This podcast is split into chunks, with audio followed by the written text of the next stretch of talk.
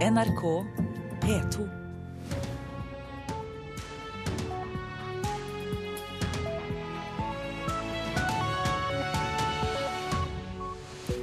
Og Nyhetsmorgen fortsetter vi med disse sakene. Vi står overfor en krise, sier kommunalministeren. Kommune-Norge må mobilisere for å hjelpe flyktningene. Lukker øynene og drar kortet, sier bekymret gjeldsrådgiver i Nav om kjøpepresset mot foreldre før jul.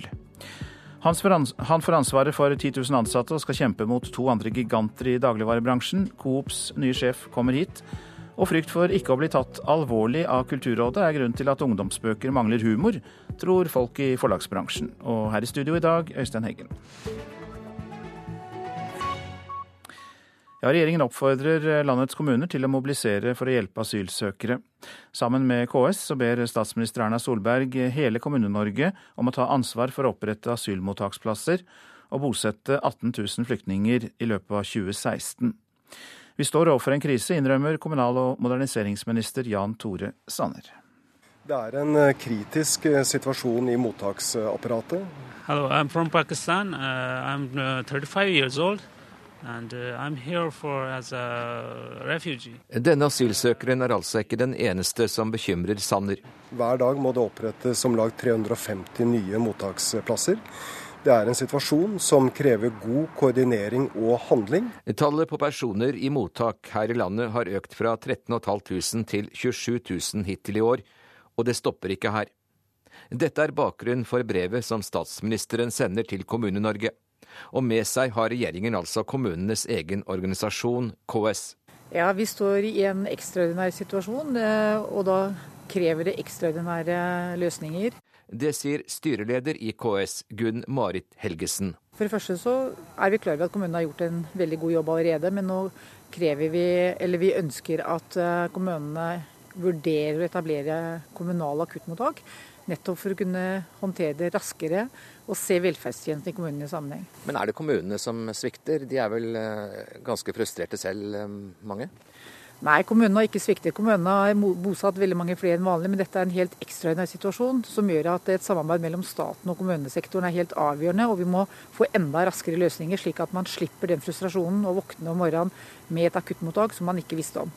Så vi håper jo at uh, nye prosedyrer med UDI, nemlig at de skal involvere kommunene, dokumentere dialog med kommunene før man oppretter akuttmottak, og da er egentlig én løsning at kommunene selv vurderer å opprette kommunale akuttmottak, eh, som også eh, kan være et ledd i integreringsarbeidet i kommunene. Vi har tro på at kommunene, kommunene stiller opp, for kommunene ser også alvoret i, i situasjonen.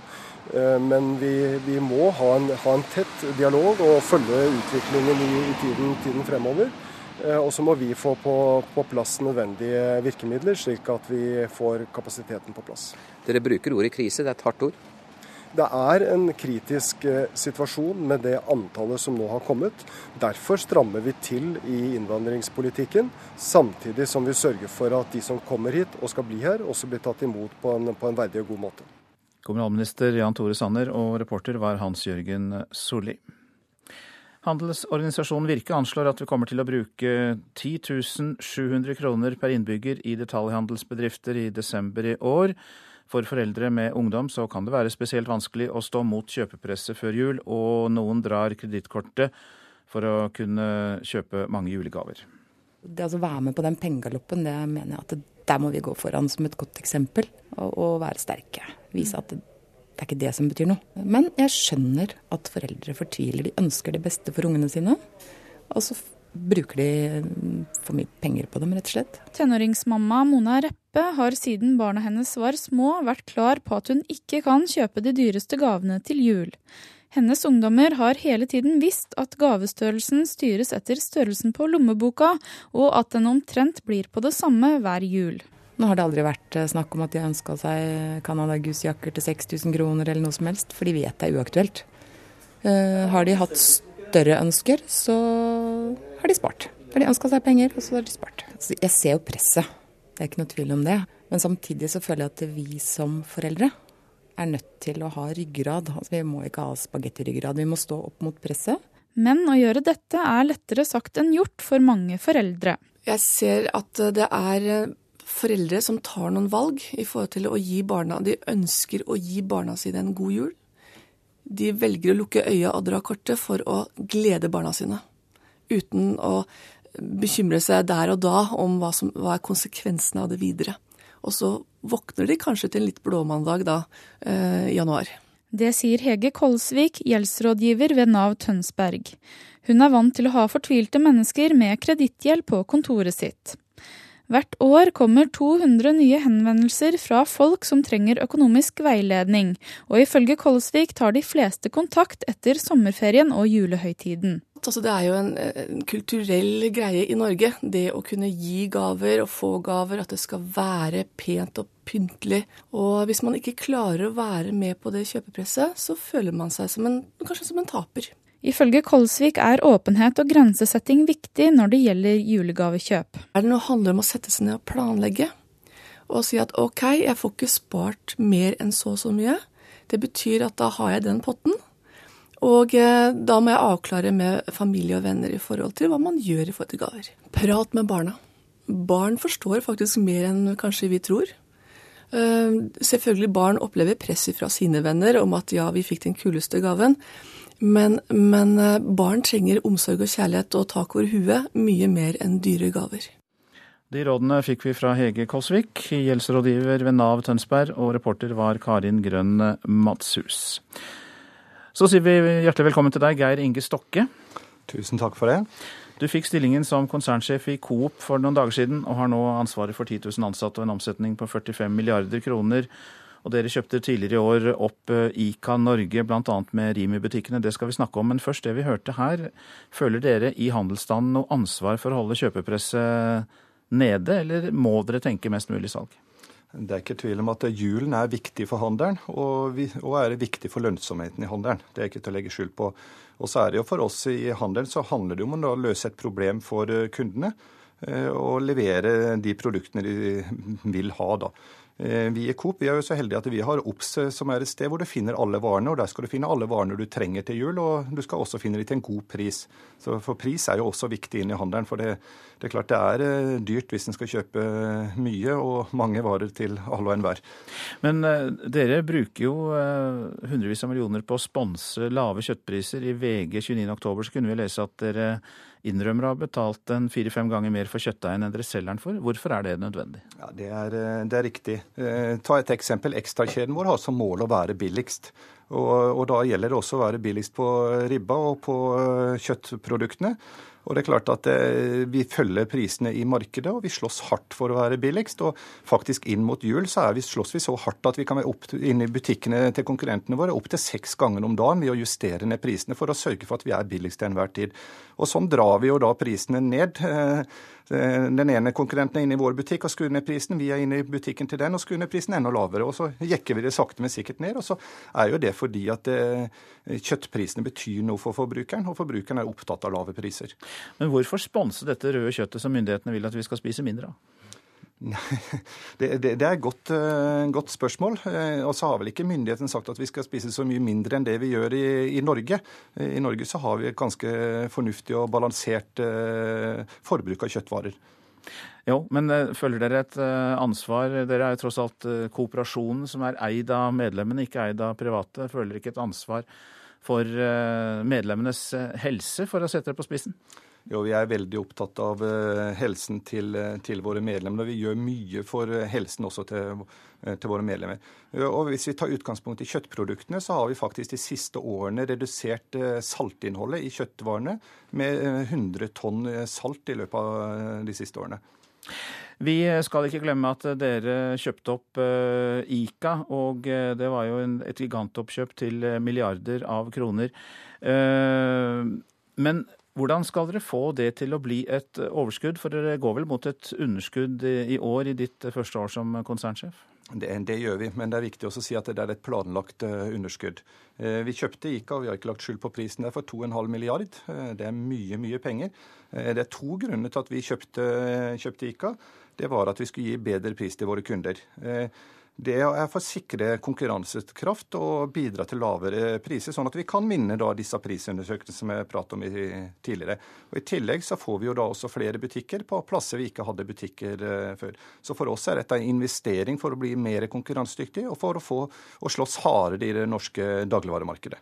Men er uh, kooperasjonstanken borte? For du uh, tenker jo hele tiden konkurranse, og dere er inne i butikkene til konkurrentene og sjekker priser. men kooperasjonen ble jo i sin tid etablert nettopp for at man kanskje skulle slippe å gå til kremmeren og isteden gå til en eh, medlemseid butikk. Du går fortsatt til en medlemseid eh, butikk. Eh, Coop er eid av 1,5 millioner medlemmer. Og, og, vi betaler ut vårt overskudd til våre medlemmer, i motsetning til våre konkurrenter da, som utbetaler det til enkeltfamilier. Så, så grunntanken i Coop er akkurat det samme som før. Men er det viktigste nå å ta igjen Norgesgruppen og holde Rema 1000 eh, unna dere? De er jo på tredjeplass i størrelse. Ja, For oss er det viktig å opprettholde minst posisjon to i det norske markedet. Og, og, det er noe med å sørge for at vi har de beste innkjøpsprisene, vi har de beste logistikksystemene og vi har de store driftsfordelene, sånn at vi kan da tilby de halvannen millioner medlemmene de beste prisene, og sånn at de eh, skjønner at det lønner seg å være medlem i Coop. Nå får dere jo større tilstedeværelse ja, i storbyen, ikke minst i Oslo, der dere ikke har vært så veldig til stede før når, når dere har kjøpt ICA. Men avslutningsvis, for å holde oss til kooperasjonstanken. Hvordan bevare butikkene på bygda når dere skal ekspandere så voldsomt i storbyene? For de er jo også viktige, kanskje den siste butikken på bygda? Ja, det er ikke tvil om det. Eh, Coop har en sterk tradisjon for å ha butikker på bygda, og det er noe vi fortsatt skal jobbe med.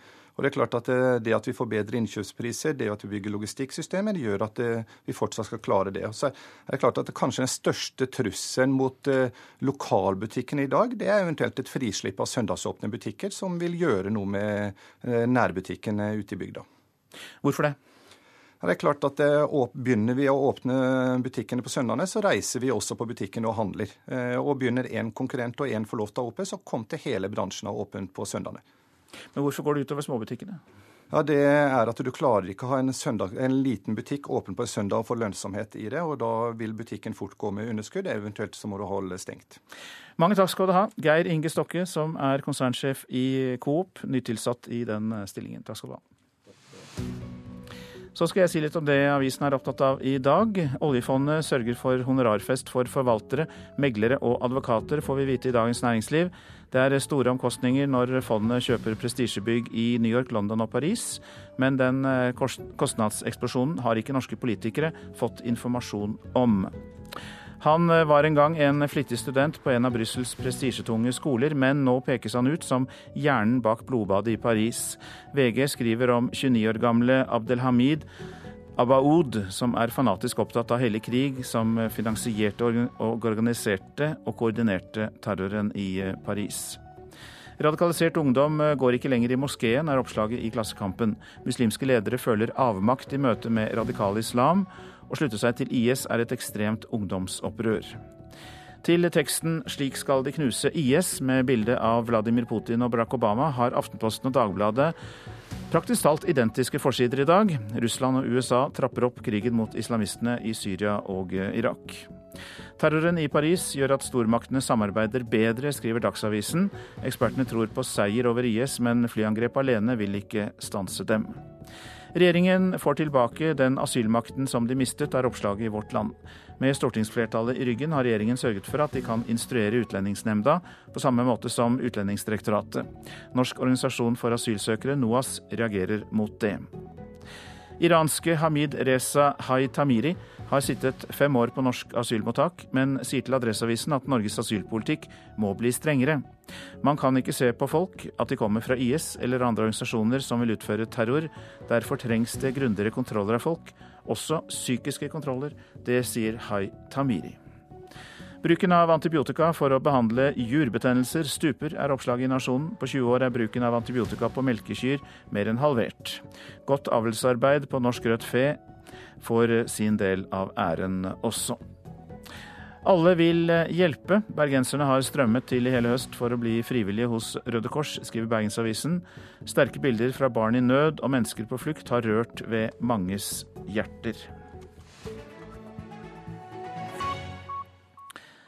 Nå må det internasjonale antidopingbyrået WADA skaffe mer penger for å rydde opp i dopet for alltid, mener Dick Pound. Canadieren ledet utvalget som gransket friidretten og rystet Russland. I dag møtes styret i antidopingbyrået, men det norske styremedlemmet der, kultur- og idrettsminister Toril Vidvei, er ikke enig i at penger løser dopingproblemet i idretten. Penger løser ikke alt. Holdninger eh, fra eh, både myndigheter, men også selvfølgelig fra idrettsutøverne, og ikke minst også ledere og trenere og de som er ansvarlige. Det er viktigst. Sier Vidvei, som sitter i styret i den internasjonale organisasjonen som skal møtes i amerikanske Colorado Springs i dag. Toppsaken på styremøtet blir selvsagt den uavhengige rapporten WADA offentliggjorde mandag for en uke siden. Tidligere WADA-sjef Dick Pound ledet utvalget som via rapporten kunne avsløre utstrakt doping i russiske idrett. WADA finansieres ved at IOC betaler halvparten og verdens regjeringer står for den andre halvparten, til sammen mellom 26 og 27 millioner dollar.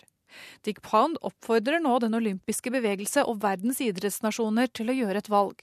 Enten må vi gjøre dette skikkelig, eller gå hjem, sier han. Point, the, uh, the Olympic movement which funds half of WADA, and the, the governments, which fund the other half, have to say, are we going to do this properly, or should we all go home? Jeg tror, ikke at det, jeg tror det er veldig viktig å understreke at disse problemene de skyldes jo ikke manglende finansiering. Alt løses ikke nødvendigvis med penger, men det er en, en stor diskusjon om størrelsene på budsjettene som skal stilles til rådighet. Og Den diskusjonen eh, må også være ta. Ja, det var idrettsministeren Toril Vidvei til reporter Marianne Kvamme Amengual. Klokka har nettopp passert 6.49. Dette er hovedsaker i Nyhetsmorgen. Vi står overfor en krise, sier kommunalministeren. Kommune-Norge må mobilisere for å hjelpe flyktningene. Minst 16 amerikanske guvernører sier nei til å ta imot syriske flyktninger.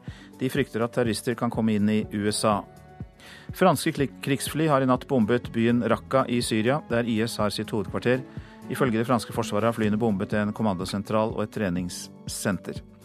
Og frykt for ikke å bli tatt alvorlig av Kulturrådet er grunnen til at ungdomsbøker mangler humor, tror folk i forlagsbransjen. Det skal vi høre mer om. Men først nå om at 22 000 elever på videregående skoler i Akershus får en ny plan som skal hindre radikalisering og voldelig ekstremisme. Handlingsplanen er vedtatt av politikerne i fylket, og selv om Amit Igani fra Høyre mener den er for lite konkret.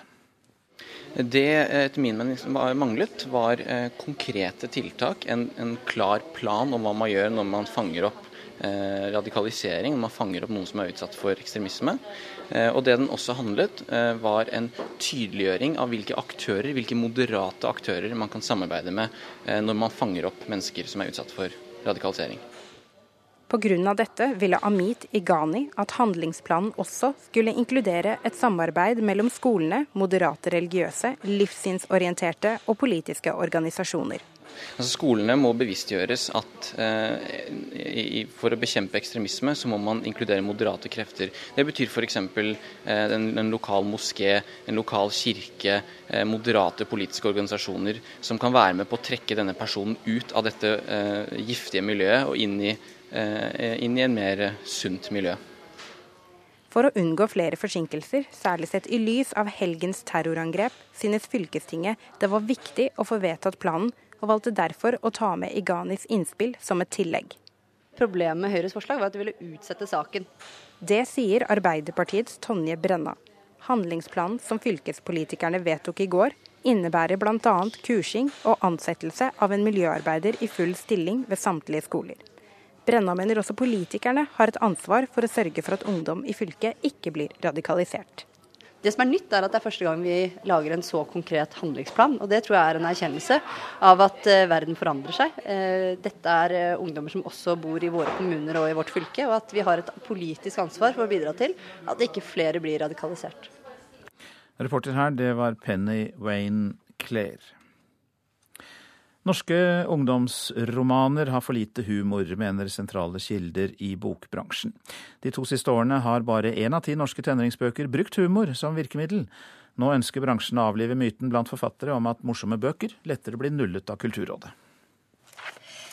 Liv Heidi skulle vel egentlig bare være regiassistent? Ja, litt mye klikking. Vi tar den for 28. Mm. Andrea Brein Hovig holder for tida på med lydbokversjonen av sin ferske ungdomsroman 'Vanessa Svartmo'. Etter at kropp og stemme ah, brrr, var redo, gikk vi løs på tekstene. Selv om boka handler om en fattig tiendeklassing i Oslo med en mor som drikker og en far som er fraværende, så er boka spekka med humor, sier Brein Hovig. Jeg tenker at nå, skal jeg, nå, skal jeg, nå, nå kommer jeg til dette kapitlet som jeg har grudd meg til å skrive fordi det er så utrolig trist. Men så sniker det seg inn et eller annet sånn svart og gøyalt likevel. Jeg, jeg klarer ikke å la være. Men Brein Hovig er et unntak, for det er lite humor å spore i ungdomsbøkene, bekrefter 15-åringene NRK traff på biblioteket i Stavanger. Ja, jeg har merka det. Jeg føler det mer, går mer på sånn fantasi og kjærlighet for ungdommer. Mm. Ja, det er ikke så veldig mye sånn humor og sånn morsomhet på en måte. Det er veldig viktig at det er humor i ungdomsbøker for å få unge mennesker til å lese. Sier komiker og forfatter Terje Torkelsen. Leserne og formidlerne vil ha mye humor, men det er veldig lite. Han savner flere morsomme norske ungdomsromaner.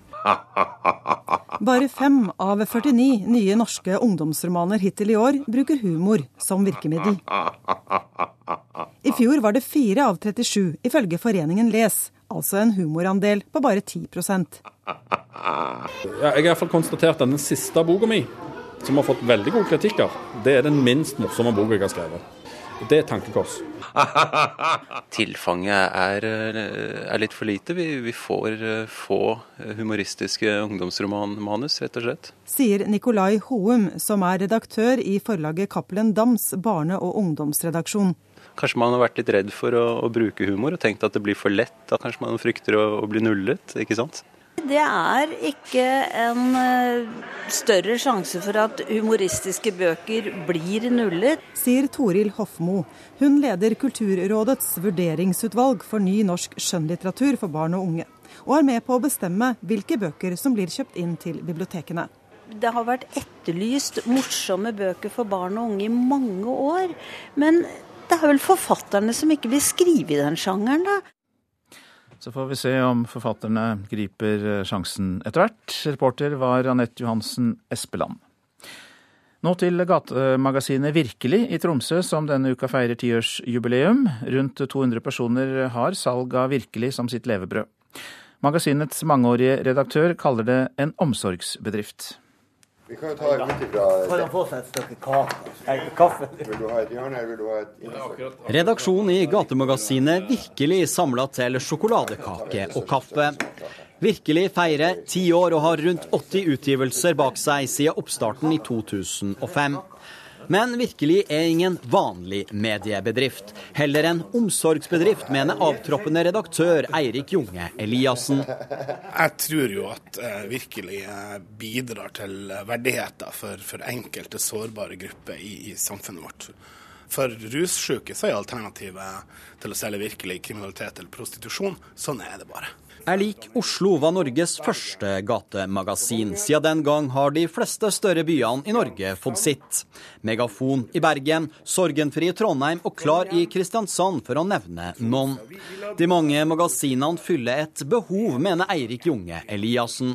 Det sier at, at Norge har et vanvittig behov for lavterskelarbeidsplasser. Fordi at disse menneskene er full av talenter, men er ukurante i sin medisinbruk eh, på det normale arbeidslivet. I dag er virkelig levebrødet til rundt 200 registrerte selgere i Tromsø, Harstad og Finnsnes. Virkelig har vært med på å nyansere bildet av rusmisbrukere og andre vanskeligstilte. Det forteller påtroppende redaktør Alf Krogseth. Jeg håper i hvert fall det at eh, de har lært seg å se mennesker bak problemet, mennesker bak rusen. Folk i Tromsø er veldig snille, og de ser at dette er mennesker som er bare mennesker. De er ikke farlige. Det vil ikke være noe farlig for et, et menneske å ansette en, en drusjuk fyr på et lager, men vi tør ikke gjøre det.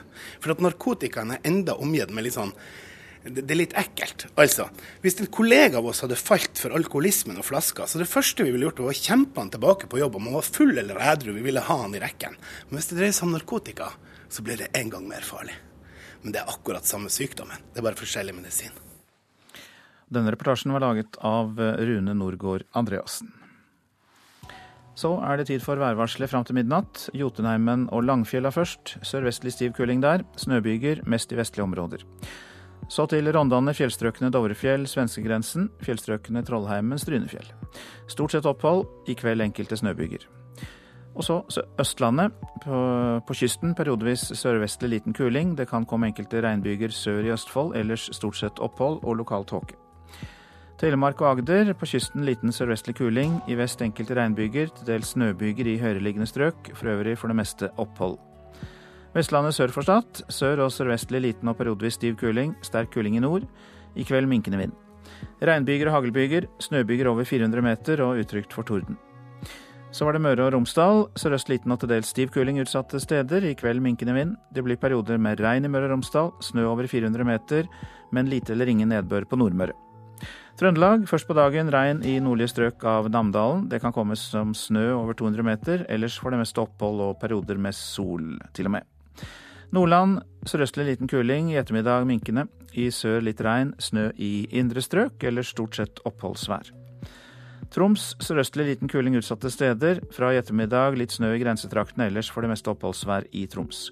Og så var det Finnmark med sørlig liten kuling utsatte steder og oppholdsvær. I kveld kan det komme litt snø på vidda. Nordensjøland på Spitsbergen oppholdsvær. Temperaturer, og disse ble altså målt klokka fire i natt. Svalbard lufthavn minus to, Kirkenes minus tre, Vardø minus én. Alta null, Tromsø-Langnes minus tre. Bodø-Brønnøysund begge pluss fire. Trondheim-Værnes pluss tre. Molde to, Bergen-Flesland sju. Stavanger åtte, Kristiansand-Kjevik én. Og så noen minusgrader. Gardermoen minus én, Lillehammer minus to, Røros minus tre, og en enslig plussgrad var det på Oslo-Blindern.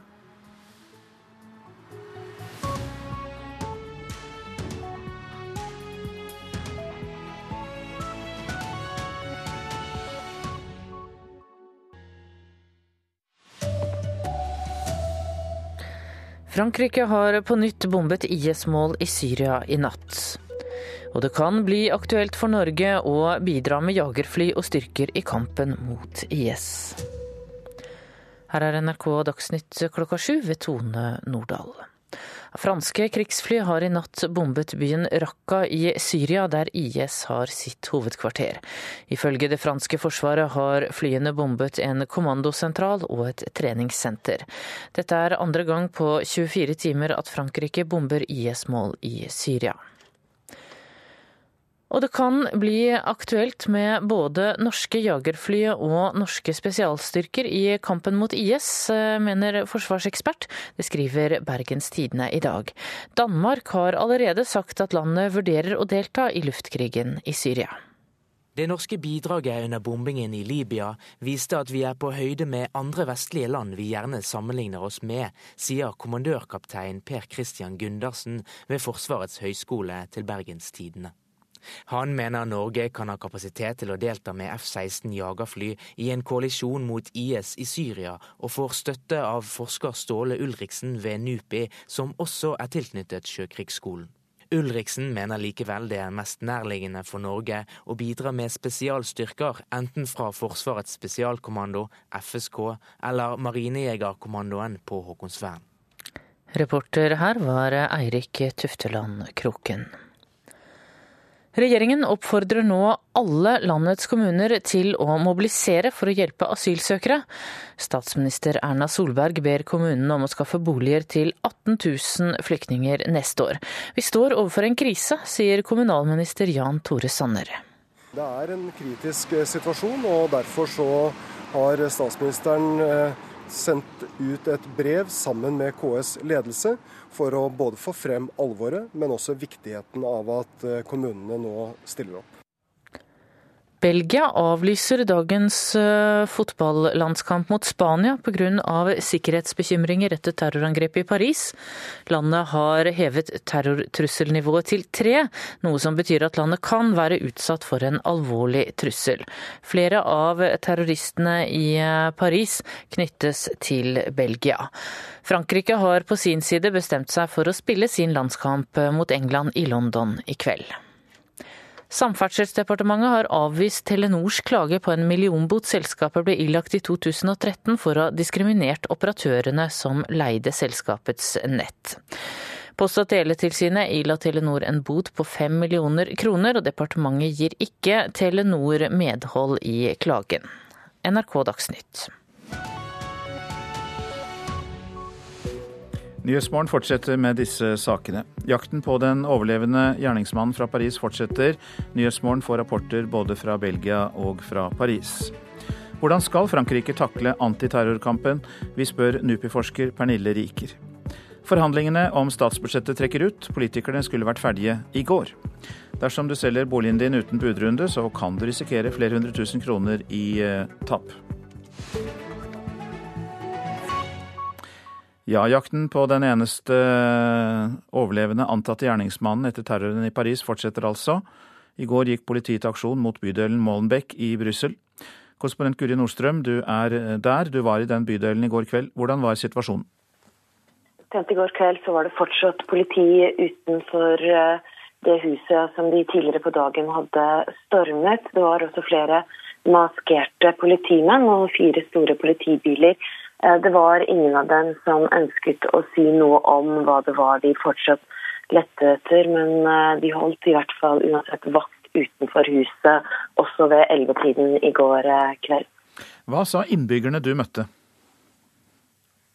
Jeg møtte flere som bodde der. De sa at det som skjer er skremmende, men de var heller ikke overrasket over at politiet gikk til aksjon i deres nabolag etter terrorangrepene i eh, Paris. Jeg snakket bl.a. med to 19-åringer som var vokst opp der, men som hadde røtter i Marokko og Pakistan. Og de sa at eh, hit kommer det veldig mange eh, likesinnede, og dette har på en måte utviklet seg til et slags lovløst samfunn hvor mange personer av den typen tror at de kan holde på i fred for myndighetene.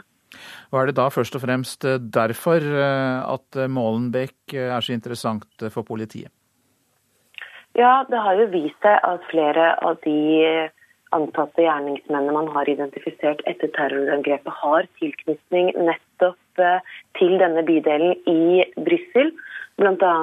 da han som de lette etter i går, som de mener skal ha overlevd og være på frifot og han som eh, antas å være hjernen bak, som man regner med er i Syria.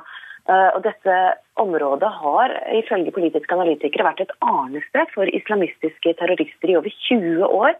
De har ikke bare rekruttert til IS, de har også rekruttert til krigene i Algerie, Afghanistan, Bosnia, og har da blitt kalt selve jihad-hovedstaden i Europa. Det er et område med store sosioøkonomiske problemer. 28% arbeidsledighet. Og deler av dette området har da utviklet et parallellsamfunn ved siden av det belgiske. Takk skal du ha, korrespondent Guri Nordstrøm, eh, som eh, rapporterte fra Brussel. Nå til eh, korrespondent Åse Marit Befring. Du er i Paris, og i Frankrike i natt har det vært nye Fra Frankrike har det vært nye angrep mot IS. Og hva er kommet fram om disse angrepene? Ja, igjen så har Frankrike gått til angrep på Raqqa, som blir betegnet som hovedredet til IS. Ti jagerfly har deltatt i dette angrepet i natt. Det er også andre angrepet på under 24 timer. Eh, og de skal ha gått til angrep på kommandosenteret der og, et treningssenter. Eh, dette er en del av dette bildet der de har intensivert angrepene. De vil slå tilbake uten nåde eh, på de som står bak eh, terrorangrepet, som er altså betegnet som det verste angrepet på Frankrike siden andre verdenskrig. Hollande var veldig tydelig i går i sin tale til eh, parlamentarikerne og senatorene i Frankrike. Han sa at de har erklært krig. Frankrike er i krig, ikke mot en stat. Det er en annerledes krig. Og Den amerikanske utenriksministeren John Kerry møter president Francois Hollande i Paris i formiddag. Og um, Hva er det ventet komme ut av det møtet? Det viktigste for dem det blir å eh, snakke om eh, hvordan de skal reagere på disse terrorangrepene sammen. Eh, Kerry eh, har kalt eh, IS eh, Eh, for, eh, eller sa da han kom, så sa han at de driver en krig mot eh, sivilisasjonen. At IS driver en krig mot sivilisasjonen. Det var som et ekko av hva Hollande sa i går. Eh, Frankrike har trappet opp eh, angrepene. Eh, det ønsker de at USA også gjør, at de klarer å samordne sine luftangrep. I tillegg så ønsker de å ha samtale med Putin. Russlands rolle i dette. Det kan bli en del av samtalene. Og så har de også bestemt seg for å utveksle mer etterretningsopplysninger for å klare å finne alle de jihadistene og ta knekken på flere av disse terrorcellene. 129 mennesker er jo bekreftet eh, drept etter fredagens eh, angrep. Kan du si noe om tilstanden til de som ble såret? Ja, Det ligger fortsatt flere som er kritisk skadde. Det er fem sykehus i Paris-regionen som da eh, har tatt hånd om alle de sårede og skadde. Det har, vært helt på grensen til hva de, de, har klart å håndtere, fordi det var over 350 av dem. Nå er det 80 som fortsatt er kritisk skadd. 29 av dem ligger på intensiven. Eh, disse kulene som terroristene brukte, var ment for å lage størst mulig skade. Eh, det har beredskapssjefen ved sykehuset Georges Pompidou uttalt. Eh, de har fått store indre skader, og, og mange har alvorlige bruddskader. Og veldig mange av disse pasientene er fortsatt ikke identifisert, så de har fått kodenavn X. Så mange pårørende de søker nå enten på eh, sykehusene eh, for å se om sine overlevende har overlevd eller ei. Takk for den rapporten fra deg, europakorrespondent Åse Marit eh, Befring. Og vi har kontakt på Skype med deg, forsker ved NUPI, Pernille Riker. God morgen. God morgen. Ja, Vi hørte jo nettopp Befring nevne at franske fly har bombet IS, og det var vel som forventet. Men Eh, hvilke andre tiltak kan bli aktuelle fra fransk side? Jeg tror at det, det som kommer, vi kommer til å se fra Frankrike nå, er jo både at de kommer til å styrke den eh, internasjonale kampen mot terrorisme, altså styrket sin, eh, sitt nærvær i, i, Syria og, først og fremst. Men også selvfølgelig en, en, en, et større fokus på sikkerhet internt. Mer fokus på, på etterretning og styrke sitt, sitt antiterrorarbeid, som, som man skal huske på at allerede per nå er ganske omfattende, og, man har utviklet dette over tid. Så Frankrike er egentlig ganske godt rustet når det gjelder kampen mot terror. Ja, og det ble vel satt i verk tiltak eh, etter eh, angrepene mot tidsskriftet Charlie Hebdo eh, tidligere i år. Kan du si litt mer konkret om hva tiltakene går ut på? De tiltakene som ble satt i verk etter Charlie Hebdo, var bl.a. at man, man, ønsket å, å styrke Man styrket det, det, på en måte sikkerhets, eh, sikkerhetsstyrkene rundt utsatte steder i Paris. Man satte i gang en PR-kampanje for å, å, overbevise unge muslimer at, at radikalisering ikke var noe Eh, noe å, å, trakte etter. Prøvde å avdekke IS sitt virkelige ansikt. En ny overvåkningslov ble vedtatt, og det ble beskyttet å styrke politiet med 2000 nye stillinger. Men nå skal sies at de to siste eh, tingene eh, er ennå ikke iverksatt, og det er noe av det som har vært kritisert eh, i, Frankrike også. Eh, men jeg tror at eh, disse, disse, tiltakene har jo vært viktige, og hver gang det skjer sånne terroraksjoner, så vil nye tiltak bli satt i verk. og, og Holland har jo også ramset opp en rekke nye tiltak nå, også styrking av politiet og, og, og utvidede mandatet for presidenten. Han ønsker å endre grunnloven osv. Men, men man skal huske på at dette har eh, over, Siden slutten av 1980-tallet, hvor Frankrike har vært utsatt for en del angrep, eh, så, så, gjorde man eh, mye for å styrke dette arbeidet. Så mye av dette er, er allerede på plass, men det er klart at eh, vi vil se en ytterligere intensivering av dette arbeidet nå. Mange takk skal du ha, forsker ved NUPI Pernille Riker. Minst 16 eh, amerikanske guvernører sier nei til å ta imot syriske flyktninger etter terrorangrepene i Paris. De frykter nemlig at terrorister kan komme inn i USA forkledd som asylsøkere. We were going to suspend things until we had a chance to talk to the U.S. Department of Homeland Security. The safety and security of the people of the Commonwealth of Mass is my highest priority. Vi utsetter å ta imot flyktninger til vi har fått snakket med Departementet for innenriks sikkerhet, sier Michigans guvernør Rick Snyder til TV-kanalen CBS. Sikkerheten til befolkningen i delstaten Massachusetts er første prioritet hos meg, sier guvernør Charlie Baker. De er to av de til nå 16 amerikanske guvernører som sier nei til å ta imot syriske flyktninger, etter at det ble kjent at en av Paris-terroristene var asylsøker fra Syria. 15 av de 16 er republikanere. Også blant de republikanske presidentkandidatene er det stor skepsis til president Barack Obamas planer om å ta imot 10 000 syriske flyktninger det neste året. Jeb Bush har foreslått at bare kristne syrere skal få asyl. Obama svarer slikt. That's shameful. That's not American. It's not who we are. We don't have religious tests to our compassion. Det er en skam. Vi amerikanere har ikke religiøse tester på vår medlidenhet, sier han. Og det sa reporter Wenche Eriksen. Klokka den passerte nettopp 7.13. Dette er hovedsaker i Nyhetsmorgen. Regjeringen oppfordrer alle landets kommuner til å mobilisere for å hjelpe asylsøkerne. Statsminister Erna Solberg ber kommunene skaffe boliger til 18 000 flyktninger neste år. Franske krigsfly har i natt bombet byen Raqqa i Syria, der IS har sitt hovedkvarter. Ifølge det franske forsvaret har flyene bombet en kommandosentral og et treningssenter. Vi skal høre at boligselgere kan øh, om, om, tap eller øh, gevinst ved forhåndssalg av boliger. Det er tema ganske snart i Nyhetsmorgen. Og vi skal høre at fiskearten rognkjeks skal bekjempe lakselus. Men først om at forhandlingene om det endelige statsbudsjettet for 2016 trekker ut. Etter planen skulle regjeringspartiene og støttepartiene være ferdige i går. Men det ble de ikke. Og politisk kommentator Lars Nehru Sand, hvorfor tar det så lang tid? Hovedsakelig fordi begge parter har tenkt at tiden kanskje hjelper dem aller mest. Sentrumspartiene i å få mer penger på bordet, og regjeringspartiene i å få forankret en forståelse av at handlingsrommet er spesielt lite i år. Hva er eh, de viktigste stridstemaene?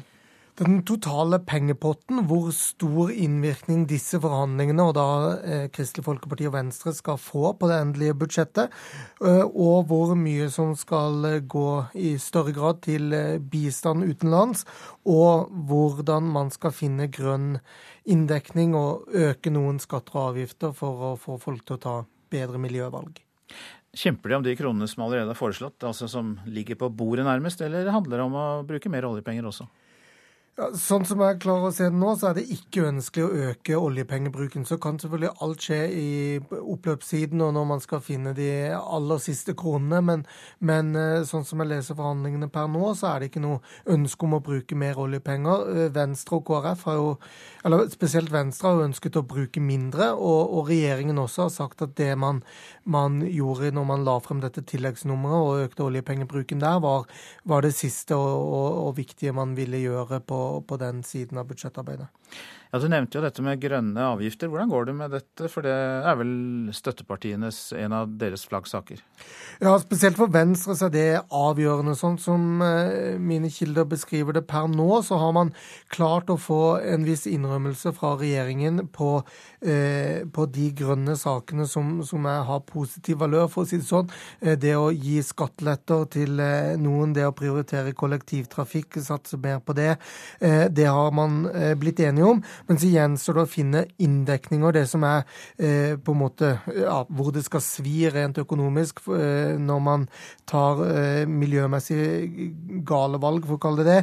Enten det vil si å øke CO2-avgifter, eller øke bensin- og dieselprisen, eller øke strømprisen, så er det noe man ikke har eh, blitt enige om. Eller om man skal finne en helt ny grønn avgift. I fjor var jo det plastposeavgiften, og det blir ikke gjentatt i år. Til slutt, eh, formelt så forhandles det jo i finanskomiteen, men til sjuende og sist eh, kan det vel bli partilederne som må inn i manesjen her? Ja, de har vært inne, om ikke i manesjen, så i hvert fall i garderoben og på bakrommet, og, og vært aktive i prosessen, for å kalle det det, spesielt fra lørdag og, og også i går kveld. Eh, men det er eh, formelt sånn at det fortsatt er eh, finanskomiteen som forhandler, og det kan godt være det holder helt inn, eller at man løfter det opp en av de siste dagene. Det er ventelig at man nå styrer inn mot onsdag klokken tolv, selv om det kan ta noe lengre tid enn det også. Takk for at du lodder stemningen i Stortinget for oss, eh, politisk kommentator Lars Nehru Sand. Hvis du selger boligen din eh, uten budrunde, så risikerer du å tape flere hundre tusen kroner, viser en ny rapport fra Forbrukerrådet. I Oslo ble én av tre boliger som legges ut til salg, forsøkt kuppet av kjøpere som kom med bud direkte til selger. Og det skjedde også med Rita Diseth da hun skulle selge familiens hus. Noen dager eh, før eh, siste visning så ringte det en eh, interessent som ville legge inn et bud på 300 000 over takst på huset vårt. Langt de fleste takker nei til slike forhåndsbud, og det gjør de lurt i, viser kartleggingen Forbrukerrådet har gjort av 250 boligsalg over hele Oslo. De som sa nei, fikk ofte betydelig høyere pris etter visninger og budrunde. Og det stemmer også med inntrykket til eiendomsmegler Thomas Eide Gunnerud, som sto for ett av salgene. Jeg råder alle selgerne mine til å gjennomføre visninger, for jeg er overbevist om at det, da vil du få høyest mulig pris. Både Gunnerud og de fleste meglerne i undersøkelsen er kritiske til forhåndssalg, og vil gjerne gjennomføre visninger og budrunder, både av hensyn til kundene og seg selv. Det er der vi også møter nye potensielle kjøpere eh, og selgere. Og så er det en, en, ærlig og en redelig sak det å gjennomføre visninger. At alle får en fair sjanse da, å komme på visning og se om de faktisk ønsker å, å legge et bud. Kjøperne som prøver å kuppe boliger, begrunner det ofte med at de har tapt tidligere budrunder, eller har opplevd at andre har kuppet boliger de var interessert i. Men eh, selv om det ser ut som de tjener på å få tilslaget på et forhåndskjøp, trenger det ikke å være et godt kjøp for dem heller, advarer fagdirektør Thomas Bartholsen i Forbrukerrådet. Dersom du kjøper en bolig som viser seg å ha feil og mangler, så er det jo slik at hvis du var den som rushet handelen og kjøpte før all informasjon var klar, og kjøpte uten å undersøke grundig nok, så vil du bli møtt med det når du reklamerer. Dessuten viser undersøkelsen at både boligselgere og kjøpere er negative til kupping, og syns det skaper ubehagelige situasjoner. Forbrukerrådet mener derfor eiendomsmeglerbransjen burde gjøre mer for å hindre at det skjer. Det som vi mener eiendomsmeglerforetakene kunne gjøre, det var jo å skrive inn i oppdragsavtalen at selger ikke ønsker bud direkte til seg. Man kan legge det på annonsene på internett der boligene selges. Men dette gjøres ikke, og vi syns de ivaretar boligselgerne på en dårlig måte når de lar boliger kuppes uten å gjøre noe særlig innsats for å hindre det. Huset til Rita Diseth ble til slutt solgt for 750 000 kroner mer enn hun først ble tilbudt. Hun er naturlig nok glad hun sa nei. Hvis jeg hadde sagt ja til det budet på 300 000 over, så hadde jeg jo takka nei til veldig mye penger. Så jeg er veldig glad for at jeg ikke gjorde det. Rita Diseth til slutt der, til reporter Tom Ingebrigtsen. Christian Dreyer, god morgen til deg. God morgen. Du er administrerende direktør i Eiendom Norge. Og ja, kan meglerne gjøre mer for å hindre såkalt kupping? Ja, det kan vi helt sikkert. Og vi har jo tidlig for flere år siden tatt opp denne problemstillingen, og bl.a. med Forbrukerrådet og Finanstilsynet. Men det er ikke en enkel situasjon. Fordi at det er jo slik at når en, en potensiell kjøper legger inn et slikt type bud, så, så, vil jo det være en vanskelig beslutning veldig ofte for en boligselger, og, og derfor må man jo gå inn og gjøre en vurdering av det. Hvordan er det disse kupperne opptrer, da? Ja, de, de, ønsker gjerne visninger før den ordinære visning, med gode grunner til at det er nødvendig, gjerne at de skal reise bort osv. Og, så og så legges det bud inn direkte til boligselger utenfor meglers kontroll. Og det, det, er heldigvis et isolert problem. Veldig isolert mot storbyene, spesielt Oslo og litt i Bergen. Utover det så er dette ganske sjelden. Ja vel. Så vi snakker først og fremst om storbyen og absolutt mest om Oslo? Ja. ja. La oss gjøre det, da. Fortsette med det, hvis det er der problemet er. Men det er kanskje mange som syns at det er veldig greit å få et sånt tilbud, fordi visning kan bli krevende, det kan trekke ut i tid, det kan kanskje til og med oppleves som mer kostbart å administrere seg fram til et endelig resultat, og så tar man dette første som kommer. Ja, og det er ofte ikke lurt. Men det er klart det at det å selge bolig, det oppleves som veldig utrygt for mange, for det er veldig store verdier på spill. Og Derfor er det viktig hvis du får et sånt bud, å ta kontakt med megler med en gang. For megler skal, skal, da gi deg den rådgivningen du trenger i den situasjonen du er kommet i. Og Veldig ofte så råder selgerne til å, å, vente, for at de eh, interessentene som legger inn bud i dag, de er sannsynligvis også interessert over helgen på samme nivå. Og, og Det er derfor ofte lurt å vente, men, men ikke alltid, og derfor må man gjøre en individuell vurdering. Men kan det være snakk om å innføre noen regler og noe lovverk som hindrer dette? At det må gå gjennom den kverna som en budrunde tross alt er? Ja, men da, da, må du regulere avhendingsloven. Og, og, og, i prinsippet avhendingsloven er avtale, avtalefrihet etter avtaleloven. Og det, det, er klart det at eh, det er, en, eh, det er en krevende diskusjon å ta. Eh, vi har sagt at vi er veldig åpne for det, vi. Men, men da må man gå inn i avhendingsloven og regulere det der. Og det, det, har vi også adressert i Justisdepartementet, at det er veien å gå. Men jeg, jeg tror vel den sitter relativt langt inne. Det er vel kanskje også i eh, eiendomsmeglernes interesse at det ikke skjer slik kupping? Ja, fordi vi eiendomsmeglere vi lever av fornøyde kunder. Eh, og det er klart at eh, den utryggheten som skapes i en sånn kuppingssituasjon, både for boligselgere og boligkjøpere, men også de som hadde lyst til å dra og se på denne boligen, som, da, som da møter en stengt dør, det er ikke noe ønskesituasjon for oss. Men eh, først og fremst så handler det om at eh, de som er i en kuppesituasjon, har en litt utrygg handels... Eh, de blir enige om, eh, om, prinsippene i en bolighandel på en litt sånn utrygg måte, uten en meglers involvering. Og, og, det er en risiko i seg selv. Så eh, vi, vi mener jo på generelt grunnlag at det er, eh, dette er noe vi egentlig ikke ønsker. Men når det først skjer, så må vi gå inn og vurdere hver enkelt situasjon individuelt. Mange takk, Christian Dreyer. Du er altså administrerende direktør i Eiendom Norge.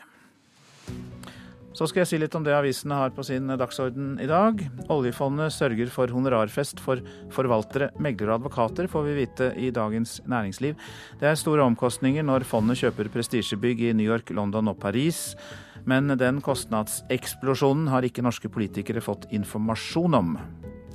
Han var en gang en flittig student på en av Brussels mest prestisjetunge skoler, men nå pekes han ut som hjernen bak blodbadet i Paris.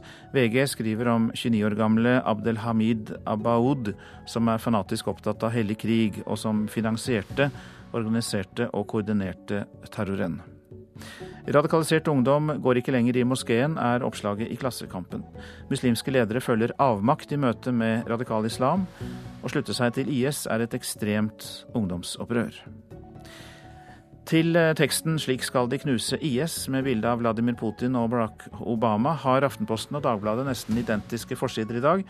Russland og USA trapper opp krigen mot islamistene i Syria og eh, Irak. Terroren i Paris gjør at stormaktene samarbeider bedre, skriver Dagsavisen. Ekspertene tror på seier over IS, men flyangrep alene vil ikke stanse dem. Regjeringen får tilbake den asylmakten som de mistet, er oppslaget i Vårt Land. Med stortingsflertallet i ryggen har regjeringen sørget for at de kan instruere Utlendingsnemnda, på samme måte som Utlendingsdirektoratet. Norsk organisasjon for asylsøkere, NOAS, reagerer mot det. Iranske Hamid Reza Haitamiri har sittet fem år på norske asylmottak, men sier til Adresseavisen at Norges asylpolitikk må bli strengere. Man kan ikke se på folk at de kommer fra IS eller andre organisasjoner som vil utføre terror, og derfor så trengs det grundigere kontroller av folk, også psykisk kontroll, sier Haitamiri. Bruken av antibiotika for å behandle jurbetennelse stuper, er oppslaget i Nasjonen. På 20 år er bruken av antibiotika på melkekyr mer enn halvert. Godt avlsarbeid på norsk rødt fe, NRF-kyr, får også sin del av æren for det. Alle vil hjelpe. Bergenserne har strømmet til i hele høst for å bli frivillige hos Røde Kors, skriver Bergensavisen. Det er sterke bilder fra barn i nød og mennesker på flukt som har rørt ved manges hjerter, tror avisa og bergenserne har ringt ned Røde Kors for å hjelpe til. Oppdrett av fisken rognkjeks skal være med på å bekjempe lakselus i havbruksnæringa. Millioner av rognkjeks skal settes ut i oppdrettsanlegg sammen med laks, fordi rognkjeksen spiser lakselus, nemlig. Et landbasert oppdrettsanlegg for rognkjeks bygges nå i Flatanger, og investeringene der er på 100 millioner kroner største utfordringa hos oss eh, har jo vært at vi ikke har tid. Vi har ikke anledning til å drive eh, langvarig prosjektering. Eh, må, det må gå fort, og det skulle ha vært gjort i går. Ole Martin Løfsnes er driftsleder og har det biologiske ansvaret for det som blir det største oppdrettsanlegget for rognkjeks i Norge. Fisken, som i grunnen er en merkelig skapning, med sugekopp og en rund, klumpete kropp, har alltid fulgt villaksen, og daglig leder Per Anton Løfsnes i Bjørøya for den del? Ja, vi, familien vår starta med laksefiske i, i, 1905. Og, og rognkjeks var jo på en måte sett på som en ufisk i, i laksenøttene. Men nå er det på en måte plutselig blitt en verdier, og det er litt spesielt å tenke på. Når skjønte du at det, det her kunne være en vei å satse? Nei, det er noe, Etter hvert har man jo funnet ut at uh, rognkjekser var veldig effektive. Man finner jo oppi kanskje 300-400 lus inni én fisk, så det, det, den er veldig effektiv som lusespiser. Men tilgangen på å kjøpe rognkjeks er jo helt håpløs nå i dag, da. Men denne tilgangen skal altså det nye anlegget ved Lausnes i Flattinger virkelig gjøre noe med. Allerede mens bygget nå reises, er de første rognkjeksungene i oppdrettskar, mens det sveises og males i rommet ved siden av. Rognkjeks har i noen år altså blitt brukt i oppdrettsanleggene, men nå skal dette gjøres i virkelig stor skala her i Midt-Norge. Det er derfor det satses 100 millioner kroner i Flatanger. Bak oppdrettsanlegget står Bjørøya, Marine Harvest, Midtnorsk Havbruk, Emilsen Fisk og Nova Sea, og Aquagen, som er Norges største avlsselskap på laks, og som nå har starta forskning på rognkjeks mens anlegget bygges. En av de store utfordringene er jo, er jo størrelser på ting. Eh, utstyr som en skal bruke i storskala produksjon, det må en jo spesiallage. Og en del av problemene er jo løst etter hvert, men det er veldig mange som står igjen. da. I tillegg så jobbes det også ut på sjøen, ikke bare inn i dette lukka anlegget.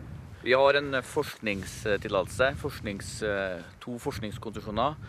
Der at uh, vi har med oss en del partnere. Universitetet i Nordland, Nofima, uh, Norsk regnesentral, NTNU i Trondheim. Der vi skal måtte, få disse rognkjeksene til å fungere i lag med laksen som en måtte, avluser. Og det er klart det er, en, det er en jobb som må gjøres. Utfordringa med lakselus i havbruksnæringa er økende og til, tider utfordrende. Vi ser at dette er en viktig sak for å måtte, håndtere lusa på en forsvarlig måte. Reporter her, det var Kjartan Trane. Du lytter til Nyhetsmorgen, og produsent i dag er Vidar Eidhammer. Her i studio Øystein Heggen. Stortingets endringer av utlendingsloven i rekordtempo er tema for debatten i Politisk kvarter mellom SVs Karin Andersen og Ingjerd Schou fra Høyre. Og reportasjen etter Dagsnytt den skal handle om Myanmar, der man går inn i en overgangsperiode etter valget.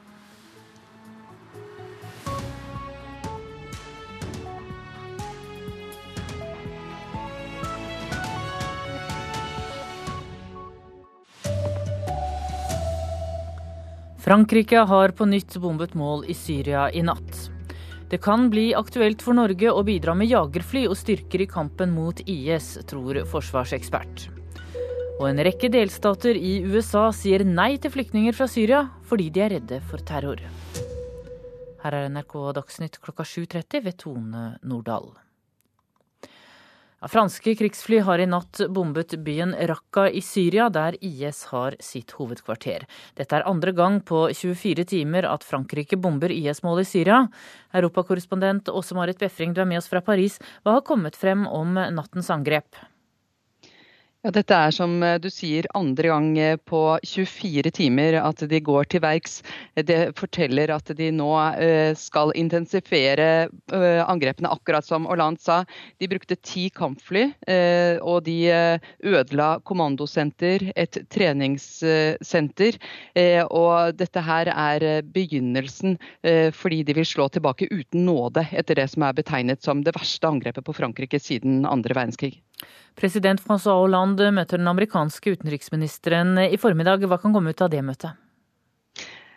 Ja, Da Kerry kom hit i går kveld, så sa han at IS driver en krig mot sivilisasjonen. Og det var jo et ekko av hva Francois Hollande sa i sin tale til parlamentarikerne og senatorene i Slottet i Versailles i går kveld. Det viktigste for dem blir å snakke om å samordne kampen for å knuse IS en gang for alle. og Der kan også Russland blitt bedt om å bidra. Hollande vil ha en samtale med både Obama og Putin så raskt som mulig. USA og Frankrike har også bestemt seg for å utveksle etterretningsopplysninger om mulige mål. og Dermed så er dette her et første skritt for å få et tettere samarbeid, en koalisjon som da skal ha som mål å ødelegge IS en gang for alle. Takk skal du ha, Åse Marit Befring. Og det kan bli aktuelt med både norske jagerfly og norske spesialstyrker i kampen mot IS, tror en forsvarsekspert. Det skriver Bergens Tidende i dag. Danmark har allerede sagt at landet vurderer å delta i luftkrigen i Syria. Det norske bidraget under bombingen i Libya viste at vi er på høyde med andre vestlige land vi gjerne sammenligner oss med, sier kommandørkaptein Per Christian Gundersen ved Forsvarets høgskole til Bergenstidene. Han mener Norge kan ha kapasitet til å delta med F-16 jagerfly i en koalisjon mot IS i Syria, og får støtte av forsker Ståle Ulriksen ved NUPI, som også er tilknyttet Sjøkrigsskolen. Ulriksen mener likevel det er mest nærliggende for Norge å bidra med spesialstyrker, enten fra Forsvarets spesialkommando, FSK, eller Marinejegerkommandoen på Håkonsvern. Reporter Eirik Tufteland Kroken. Over 20 amerikanske guvernører sier nei til å ta imot syriske flyktninger etter terrorangrepene i Paris. De frykter at terrorister skal komme til USA forkledd som asylsøkere. We were going to suspend things until we had a chance to talk to the U.S. Department of Homeland Security. The safety and security of the people of the Commonwealth the Mass is my highest priority. Vi utsetter å ta imot flyktninger til vi har fått snakket med Departementet for innenriks sikkerhet, sier Michigans guvernør Rick Snyder til TV-kanalen CBS. Sikkerheten til befolkningen i delstaten Massachusetts er første prioritet hos meg, sier guvernør Charlie Baker. Flere enn 20 amerikanske guvernører har til nå sagt nei til å ta imot syriske flyktninger, etter at det ble kjent at en av Paris-terroristene var asylsøker fra Syria. Også blant de republikanske presidentkandidatene er det stor skepsis til president Barack Obamas planer om å ta imot 10 000 syriske flyktninger det neste året. Jeb Bush har foreslått at bare kristne syrere skal få asyl. Obama svarer slikt. That's shameful. That's not American. It's not who we are. We don't have religious tests to our compassion.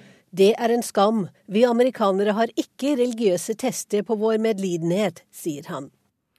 Reporter var Wenche Eriksen. Boligselgere som selger hus eller leilighet uten budrunde, risikerer å tape flere hundre tusen kroner. Det viser en rapport fra Forbrukerrådet. I Oslo blir én av tre boliger forsøkt kuppet før visning. Det skjedde også Rita Diseth da hun skulle selge familiens hus. Noen dager eh, før eh, siste visning så ringte det en eh, interessent som ville legge inn et bud på 300 000 over takst på huset vårt. Langt de fleste takker nei til slike forhåndsbud, og det gjør de lurt i, viser kartleggingen Forbrukerrådet har gjort av 250 boligsalg over hele Oslo. De som sa nei, fikk ofte betydelig høyere pris etter visninger og budrunde. Og det stemmer også med inntrykket til eiendomsmegler Thomas Eide Gunnerud, som sto for ett av salgene. Jeg råder alle selgerne mine til å gjennomføre visninger, for jeg er overbevist om at det, da vil du få høyest mulig pris. Og så er det en, en, ærlig og en redelig sak, det å gjennomføre visninger. At alle får en fair sjanse da, å komme på visning og se om de faktisk ønsker å, å legge et bud. Kjøperne som prøver å kuppe boliger, begrunner det ofte med at de har tapt tidligere budrunder, eller har opplevd at andre har kuppet boliger de var interessert i. Men eh, selv om det ser ut som de tjener på å få tilslaget på et forhåndskjøp, trenger det ikke å være et godt kjøp for dem heller, advarer fagdirektør Thomas Bartholsen i Forbrukerrådet. Dersom du kjøper en bolig som viser seg å ha feil og mangler, så er det jo slik at hvis du var den som rushet handelen og kjøpte før all informasjon var klar, og kjøpte uten å undersøke grundig nok, så vil du bli møtt med det når du reklamerer. Huset til Rita Diseth ble til slutt solgt for 750 000 kroner mer enn hun først ble tilbudt. Hun er naturlig nok glad hun sa nei.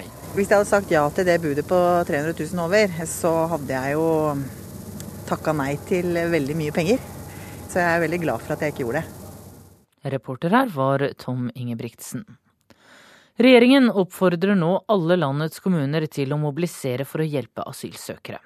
Statsminister Erna Solberg ber kommunene om å skaffe boliger til 18 000 flyktninger neste år. Vi står overfor en krise, sier kommunalminister Jan Tore Sanner. Det er en eh, kritisk eh, situasjon i mottaksapparatet. Hello, I'm from Pakistan. Uh, I'm uh, 35 years old. And, uh, I'm here for as a refugee. Denne asylsøkeren er altså ikke den eneste som bekymrer Sanner. Hver dag må det opprettes om lag 350 nye mottaksplasser. Det er en situasjon som krever god koordinering og handling. Tallet på personer i mottak her i landet har økt fra 13 500 til 27 000 hittil i år, og det stopper ikke her. Dette er bakgrunnen for brevet som statsministeren sender til Kommune-Norge. Og med seg har regjeringen altså kommunenes egen organisasjon, KS. Ja, vi står i en ekstraordinær situasjon, eh, og da krever det ekstraordinære løsninger. Det sier styreleder i KS, Gunn Marit Helgesen. For det første så er vi klar over at kommunene har gjort en veldig god jobb allerede, men nå krever vi, eller vi ønsker at eh, kommunene vurderer å etablere kommunale akuttmottak.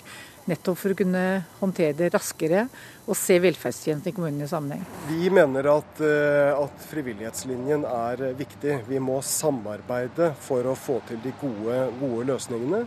Men det er en kritisk eh, situasjon, og derfor så har statsministeren eh, sendt ut et brev sammen med KS ledelse for å både få frem alvoret, men også viktigheten av at kommunene nå stiller opp. Reporter var Hans Jørgen Solli. Distriktskommunene er taperne i dagens betalingsordning for det nye nødnettet. Mens Bergen og Oslo må betale mellom to og fire kroner per innbygger, må mindre kommuner ut med opp mot 300 kroner. Hadde det vært litt skjevt, så kan det hende at vi hadde svelget den kamelen. Men eh, når det er så store sprik mellom bygd og by, så syns jeg det er rett å reagere. Det sier Terje Brandsøy, daglig leder ved Alarmsentralen i Sogn og Fjordane. Det nye nødnettet skal gi bedre kommunikasjon mellom nødetatene, og i dag må kommunene betale avgift for hver radio de har. Men fordi distriktskommuner har mange deltidstilsatte for å dekke beredskapen, blir det flere folk, flere radioer og dermed høyere kostnad per innbygger sammenlignet med større sentrumskommuner. Kommunene sin interesseorganisasjon KS jobber med saka, sier KS-leder i Sogn og Fjordane Jenny Følling. Det blir veldig bra med nødnettet, men en må også få dekka kostnadene, sånn at det ikke belaster andre tjenester. Og det må være en fordeling på den slik at det fanger opp de kostnadene som kommunene har. Ser en vekk fra alarmsentralene sine kostnader, skiller prisene seg fra 3,5 kroner i Bergen og 2,28 i Oslo, medan mindre kommuner på Vestlandet må ut med alt fra 10 til 300 kroner. Hos Direktoratet for nødkommunikasjon er de bevisst på den skeive fordelinga. Det sier informasjonssjef Gunhild Helmers. I løpet av første halvdel av 2016 skal direktoratet vurdere ordninga på oppdrag fra Justisdepartementet. Da er vi både interessert i innspill fra nødetatene, og vi er eh, interessert i å fremme forslag til hvordan dette kan løses bedre. Det er viktig at eh, kommunene nå kjenner sin besøkstid og protesterer så lenge som det er muligheter før det blir tatt en endelig avgjørelse. Reporter Marie Osland. Ansvarlig for Dagsnytt, Erlend Rønneberg.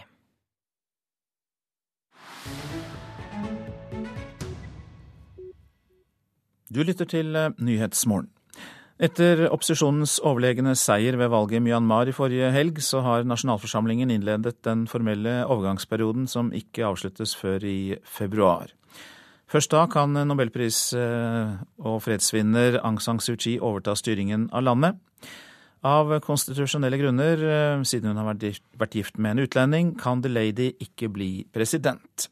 Likevel er det liten tvil om hvem som blir landets reelle leder, forteller Philip Lote, som møtte henne for en tid tilbake. Tre kvinner skritter raskt mot og poserer foran et veggportrett av Aung San Suu Kyi i den gamle hovedstaden Yangon. Og med en tommel opp lar de seg fotografere foran den politiske graffitien. Under portrettet av det 70 år gamle demokratiikonet står det ganske enkelt skrevet 'Trust'. Jeg er svært tilfreds og lykkelig over dette utfallet. Vi har ventet på dette så lenge. Jeg ser frem til å leve med mer frihet og færre begrensninger, sier den 69 år gamle kvinnen Kin Mai-hin på et av byens markeder. Det har vært en uvirkelig uke for mange av Yangons innbyggere. Etter hvert som de offisielle resultatene har tikket inn, har de første uoffisielle antakelsene blitt bekreftet. Valgdistrikt etter valgdistrikt. Partiet til Aung San Suu Kyi, Den nasjonale liga for demokrati, NLD, vil få rent flertall. Da NRK i august fikk et eksklusivt intervju med Aung San Suu Kyi, stilte vi det da høyst hypotetiske spørsmålet dersom hvis, hva vil de bruke et flertall til?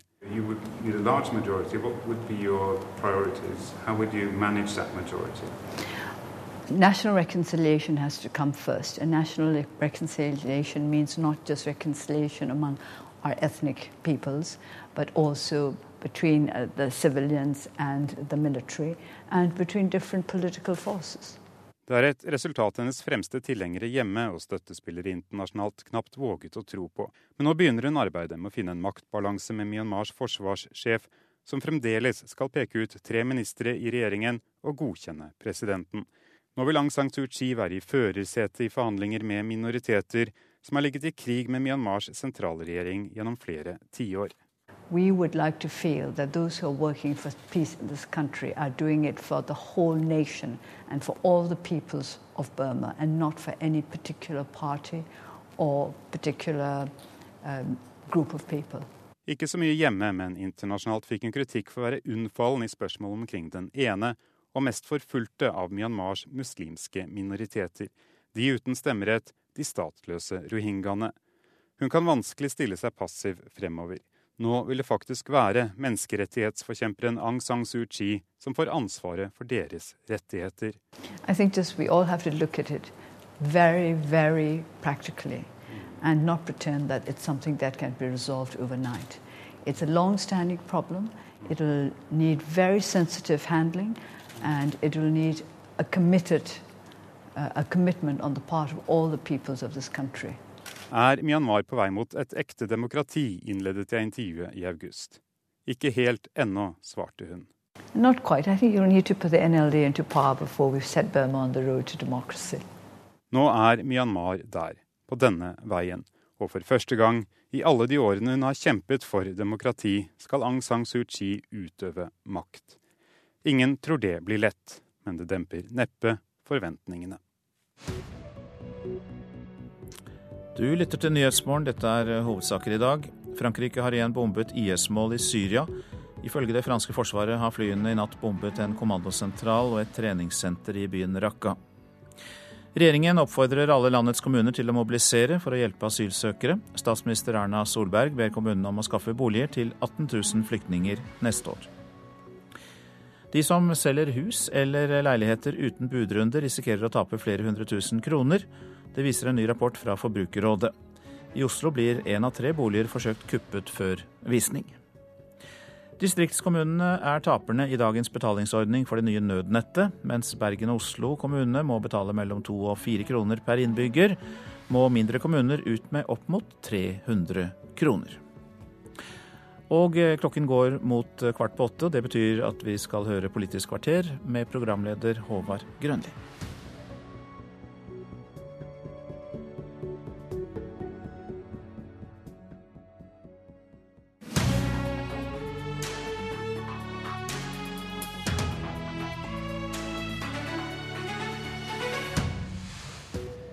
Vi har plikt til å behandle lovforslag forsvarlig. Det vi har vært vitne til nå er helt på kanten, sa min ene gjest i Stortinget i går. Den andre rosa Stortinget, som på raskt vis og med overveldende flertall sikrer rask endring og innstramming av utlendingslova. Karin Andersen fra SV kom med kritikken. Ingjerd Schou fra Høyre kom med rosen. Hvorfor mener du at det som skjedde i går var helt på kanten, Andersen?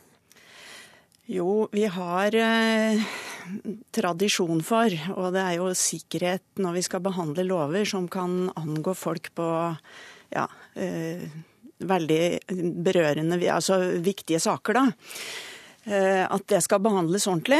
At vi skal få saken til Stortinget, at vi skal få behandle den i komité, at vi skal kunne ha høringer, at vi skal kunne ikke minst behandle de gruppene våre og snakke med eksperter.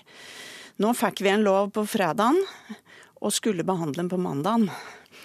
Eh, så vidt jeg veit har det ikke skjedd før i Stortinget etter andre verdenskrig. Og dette gjelder lover som kan få veldig dyptgripende virkninger for enkeltmennesker. Mm. Og da mener jeg det er all grunn til kritikk på det. Både at regjeringa i så fall burde ha kommet med loven noen dager før, det hadde vært fullt muligheter til, eller at vi hadde fått lov til å behandle det ei uke. Mm. Det som skjedde i Stortinget i går, var da at regjeringa sikra seg flertall for å endre utlendingslova. Eh, det var førstegangsbehandling i går, og det endelige vedtaket skjer i andregangsbehandling i Stortinget på torsdag. Hvorfor gleder du deg over dette unike saksbehandlingstempoet, Ingjerd Schou? Jeg syns det er eh, bra at vi har et eh, nasjonalt lederskap som eh, i en svært vanskelig situasjon, som vi hører også i nyhetsbildet i dag, med stor tilstrømning over landegrensen, og nå særlig da ved Storskog i Finnmark, at vi også har, gir, gir verktøy i den Eh, verktøykassen som gjør at det er mulig å returnere eh, og behandle mye raskere, og sikre en lik behandling også av de som, som gjerne vil inn i Norges land, og som ikke eh, har dette behovet for beskyttelse som vi skal ivareta. Mm. Men samla var Stortinget ikke. Særlig Venstre, MDG og SV var kritiske, og regjeringa må også nøye seg med en midlertidig lovendring som varer i to år. Vi skal nå diskutere konkret det mest omdiskuterte punktet i går, om at regjeringa nå skal kunne instruere Utlendingsnemnda. Inger Skau, hva for et problem ved dagens flyktningkrise løser det? Det det løser, det er at vi får en lik forståelse både hos eh, UDI og hos eh, Utlendingsnemnda. I, eh, og den konkrete, praktiske situasjonen, sånn at folk skjønner det, det er jo spørsmålet når noen kommer på den norske grensen ved Storskog f.eks. Og, og, og, spørsmålet blir da er det trygt å la de returnere, f.eks. syrere og afghanere, og returnere til eh, Russland. Er Russland et trygt land? Og mm. så kan jo da UDI eh, ha fått en instruks om at eh, ja, Russland er et trygt land å returnere til, mens klageorganet UNE eh, ikke har den samme forståelsen. Så etter dagens praksis etter har det hatt ulik, ulik regelfortolking? Ulik regelfortolkning. Og, og, den beslutningen som vi fikk i første gangs behandling i går, går jo mer på prosessen. Eh, om man skal bruke tiden på å lage lov og forskrift, som ville ta ganske mye lengre tid, enn om eh, man også skulle ha anledning eh, da fra regjeringen og forståelsen av det eh, overfor eh, for UNE på samme måte som man gjør eh, med UDI. Fordi ingen av oss er tjent med at vi har en felles, altså at man har en ulike forståelse og ulike praksis. Og det er det vi nå i behandlingen behandlingen retter opp i, i, i går, sånn at vi får, eh, får Og det, det, er også noe med rettssikkerheten, for det sikrer også at man får en felles forståelse. Men dette er også rammet inn. Mm. Nå, skal vi, nå, skal vi, ta det med Andersen. Ja. Karin Andersen, Å sikre god rettstrygghet på denne måten, at to statlige organ har lik forståing og forvaltning, det må være god rettstrygghet, vel? Nei, aller først. Her har regjeringa somla utillatelig i måneder. Når en katastrofal situasjon oppstår, så har de ikke gjort noen ting før det var for seint. Det ble kaos. Men forhold deg til dette dilemmaet? Jeg kan gjøre det, men dette er utgangspunktet som regjeringa og Schou sier for å gjøre disse endringene. Og så foreslår de bl.a. dette på UNE. Og Høyre har altså vært et parti som før har stått for rettssikkerhet. Det betyr at vi må heve rettssikkerheten i dette organet og ikke senke det, og det er det de gjør nå. Og de andre, eh, Det eksempelet, så det ene er at dette vil jo ikke eh, gjøre det raskere i saksbehandlinga. UNE er jo klageorganet. Nå sitter jo folk og venter i over et år til å få asylintervju, og etterpå skal saken behandles. Og men, men, men, men hvorfor ja, senker det rettstryggleiken? For hun bruker jo det motsatte jo, argumentet. Men poenget her er å skjønne hvordan saksgangen er. Og det vil jo ta veldig lang tid før disse sakene kommer til UNE. Og derfor var ikke denne hasten der. Og det som er viktig nå, er at vi får et organ som kan være uavhengig av politikken. Som sier hvordan det faktisk er. Og nå vil regjeringa altså instruere UNE, et rettsorgan, på hvordan fakta er. Og, og, det, Russland, og det svekker rettstryggheten? Ja, Russland blir brukt som et eksempel her, f.eks. Og det er jo slik at Russland nå i vår er dømt i Menneskerettighetsdomstolen i Strasbourg, nettopp for ikke å ha behandla saker fra asylsøkere fra Syria korrekt og sendt de tilbake igjen. Og Det er jo det vi risikerer nå med den behandlinga som regjeringa og stortingsflertallet nå har gjennomført. Og Det er veldig alvorlig. Ok, Du, er, du er, redd for at da regjeringa ja, instruerer UNE ja, til og det, og det burde de sagt i så fall. Hva er det de har tenkt å instruere på? For dette her er en tilsnikelse, det er en da. endring Høyre har ønska, som SV, Fremskrittspartiet og flertallet og til og med regjeringa har sagt at de ønsker å gå motsatt vei. De ønsker en domstolslignende organ isteden. stedet. vi spør om det. Hvordan skal denne instruksjonsretten bli brukt? Eh, jeg ga et eksempel på det, og det er jo det som er på en måte eh, utgangspunktet her. At situasjonen påkaller, påkaller, at vi også må ha virkemidler som gjør at vi sikrer en likebehandling. Både i UDI og i UNE. Eh, og det er jo ikke sånn at, at det ikke er lov forskrift men, men, et øyeblikk, Karin Andersen, men det vil sikre at man får den like forståelsen. Og, og det er jo fortsatt sånn at, at dette feltet skal fortrinnsvis reguleres gjennom lov og forskrift, men utgangspunktet her er at innrammingen altså altså Karin Andersen ønsker ikke dette, det er greit nok, men, men nå har jo SV hele tiden ikke villet engang returnere afghanere. Altså de, har, de satt i regjering for i åtte år, og etter det har de hele tiden kritisert. og Hvis vi hadde fulgt den praksisen, så hadde vi ikke kunnet returnere noen men, av de vi nå har returnert. Skal jeg spørre om en ting, for det er Noen mener, og Karin Andersen bruker dette argumentet, at hele poenget med UNE er at det skal være et uavhengig og domstollignende klageorgan, som ikke skal være et politisk instrument. Men, men fortsatt er det sånn at UNE vil være, altså er et kontroll- og et klageorgan som har fullmakter langt utover det veldig mange andre klageorgan har. Og innrammingen uh, er fortsatt slik at internasjonale forpliktelser skal Norge følge, og menneskerettighetene skal ligge til grunn. Så det er innrammingen. Men vi kan, ikke, vi kan ikke, ha, ja, vi, vi kan ikke ha en situasjon nå uh, hvor vi har en Eh, stor tilstrømning til Storskog av mange som ikke eh, har behov for eh, beskyttelse. Og Da må vi ha en likebehandling. og Det å instruere istedenfor da å bruke tiden på lov i en situasjon som vi har nå, hvor både UNE og UDI har den samme forståelsen, det er klokt og det er nødvendig. og Den, den virkeligheten vil ikke SV ta inn. Så Nå brukte vi nettopp i går tre dager på en lov. Så hvis det er det regjeringa mener er for lang tid, så hadde det vært mulig å si også hva man ønska om dette dette. Men poenget med UNE er jo at det skal være et uavhengig klageorgan. Og hvis det klageorganet skal instrueres, så vil jo ikke klageadgangen være reell. For da har man jo bestemt på forhånd politisk hvordan resultatet skal være. Og regjeringen har jo sjøl sagt i sin avtale med Venstre og KrF at de ønsker et annet system. De har satt ned et utvalg for å utrede det, som skal gå i motsatt retning. Nemlig at vi skal få et mer uavhengig organ. Det er riktig at Høyre hele tiden har ønska dette her, sånn at de har sniket dette inn i en situasjon som er oppheta, og de har fått til en endring som ikke, er, er, som ikke er akutt. For det, dette er et klageorgan, og disse sakene til de som kommer over Storskog, de er langt unna det. Så vi hadde hatt tid til å behandle dette på en ordentlig måte, og ikke gjøre dette som Andersen, en hastesak. Andersen, din partileder Lysbakken sa i går i Stortinget at dette vil gi en repolitisering av utlendingsfeltet. Ja, altså, er dere på alvor redd for at uh, Justisdepartementet skal blande seg i enkeltsaker her, eller hva frykter dere? Ja, De sier at de ikke skal gjøre det, men når de sier at de skal instruere på fakta, så er det klart de vil det. Det som kunne være litt positivt med dette, er at man da også kan stille Justisdepartementet og regjeringa til langt større ansvar for det som faktisk skjer i UNE. Men det var jo en situasjon vi hadde før, og som alle var enige om ikke var noen god løsning. Eh, så alle har i grunnen vært enige om at vi har trengt mer rettssikkerhet og ikke mindre, slik som regjeringa foreslår. Til tross så er det nødvendig å ta den situasjonen som vi nå har innover seg, og det håper jeg også SV gjør. Og det er også prisverdig at SV nå er villig til å ville returnere.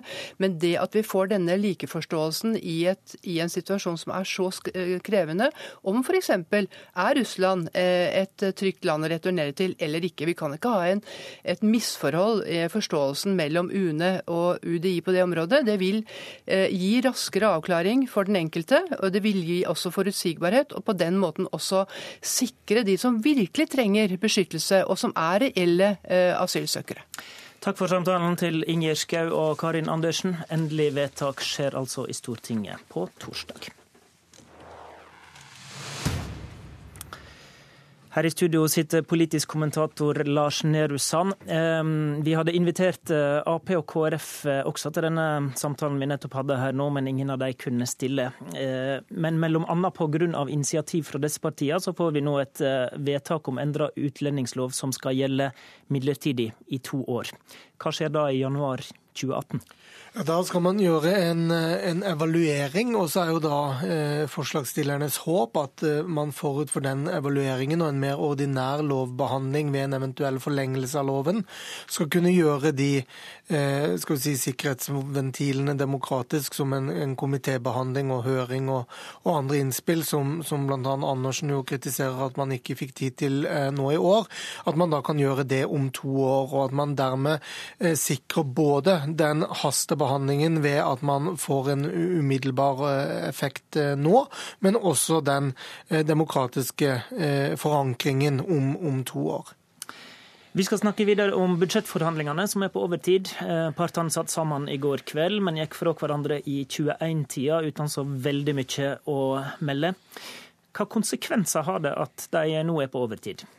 Den praktiske konsekvensen er at finansdebatten nok blir flyttet til 2.12. Eh, og den psykologiske effekten man vel håper på når man er på overtid, og snart kanskje også overtid av overtiden, det er jo at man får en litt mer eh, ja, stressa stressa eh, forhandlingssituasjon, hvor, hvor, det kanskje blir en mer ketsjup-effekt eh, etter at eh, det har vært lite fremdrift eh, gjennom helgen. De kjenner på at de må bli enige. Hvem er det som sitter med det ansvaret? Ansvaret nå, i praksis? Ja, i, Formelt så er det eh, fortsatt finanskomiteen, men de parlamentariske lederne og partilederne har vært inne i dette eh, selvfølgelig fortløpende, men spesielt siden lørdag. I går satt de fire samarbeidspartilederne i sin rutinemessige samarbeidsmiddag i statsministerboligen og diskuterte bl.a. Eh, budsjettenigheten. Eh, det er jo alltid vrient å få innblikk i de helt konkrete detaljene i slike prosesser, men litt inntrykk får vi jo. Eh, hva er det store spørsmålet nå? Det store spørsmålet er som det har vært Eh, hele den siste tiden, nemlig hvor mye skal sentrumspartiene få flyttet på i totalt volum i budsjettet. Det andre er, som Kristelig Folkeparti har kjempet for, eh, disse omprioriteringene innen bistand. Eh, og så er det for Venstre viktig å få en inndekning i det grønne skatteskiftet. I fjor flytta sentrumspartiene på 12,7 milliarder, eller det ble flytta på det etter forhandlingene. Hva vet du om hva det ligger an til i år? Uten å gå så veldig konkret inn på tall, så eh, er det tydelig at det er mindre handlingsrom i år. Både fordi mye av det handlingsrommet eh, regjeringspartiene ga seg selv, måtte de bruke i eh, arbeidet med tilleggsproposisjonen og ikke i forhandlingene på Stortinget. Men det er definitivt her slaget står nå, om å få flytta på mest mulig, og dermed lagt mest mulig sentrumsprofil på det som skjer i Stortinget nå. Tidligere har det vært antydet at man vil flytte på 5-8 milliarder kroner, om man regner på samme måte som dette 12,7-tallet. Men mye kan skje i innspurten, og det er tydelig at det har kommet mer penger på bordet, spesielt i går. Betyr det at sentrumspartiene har mindre makt i år enn i fjor? Nei, Ikke nødvendigvis, fordi regjeringen vil jo si at de har tatt mye mer hensyn til sentrumspartienes prioriteringer på forskning og andre ting eh, når de kom til Stortinget i første omgang.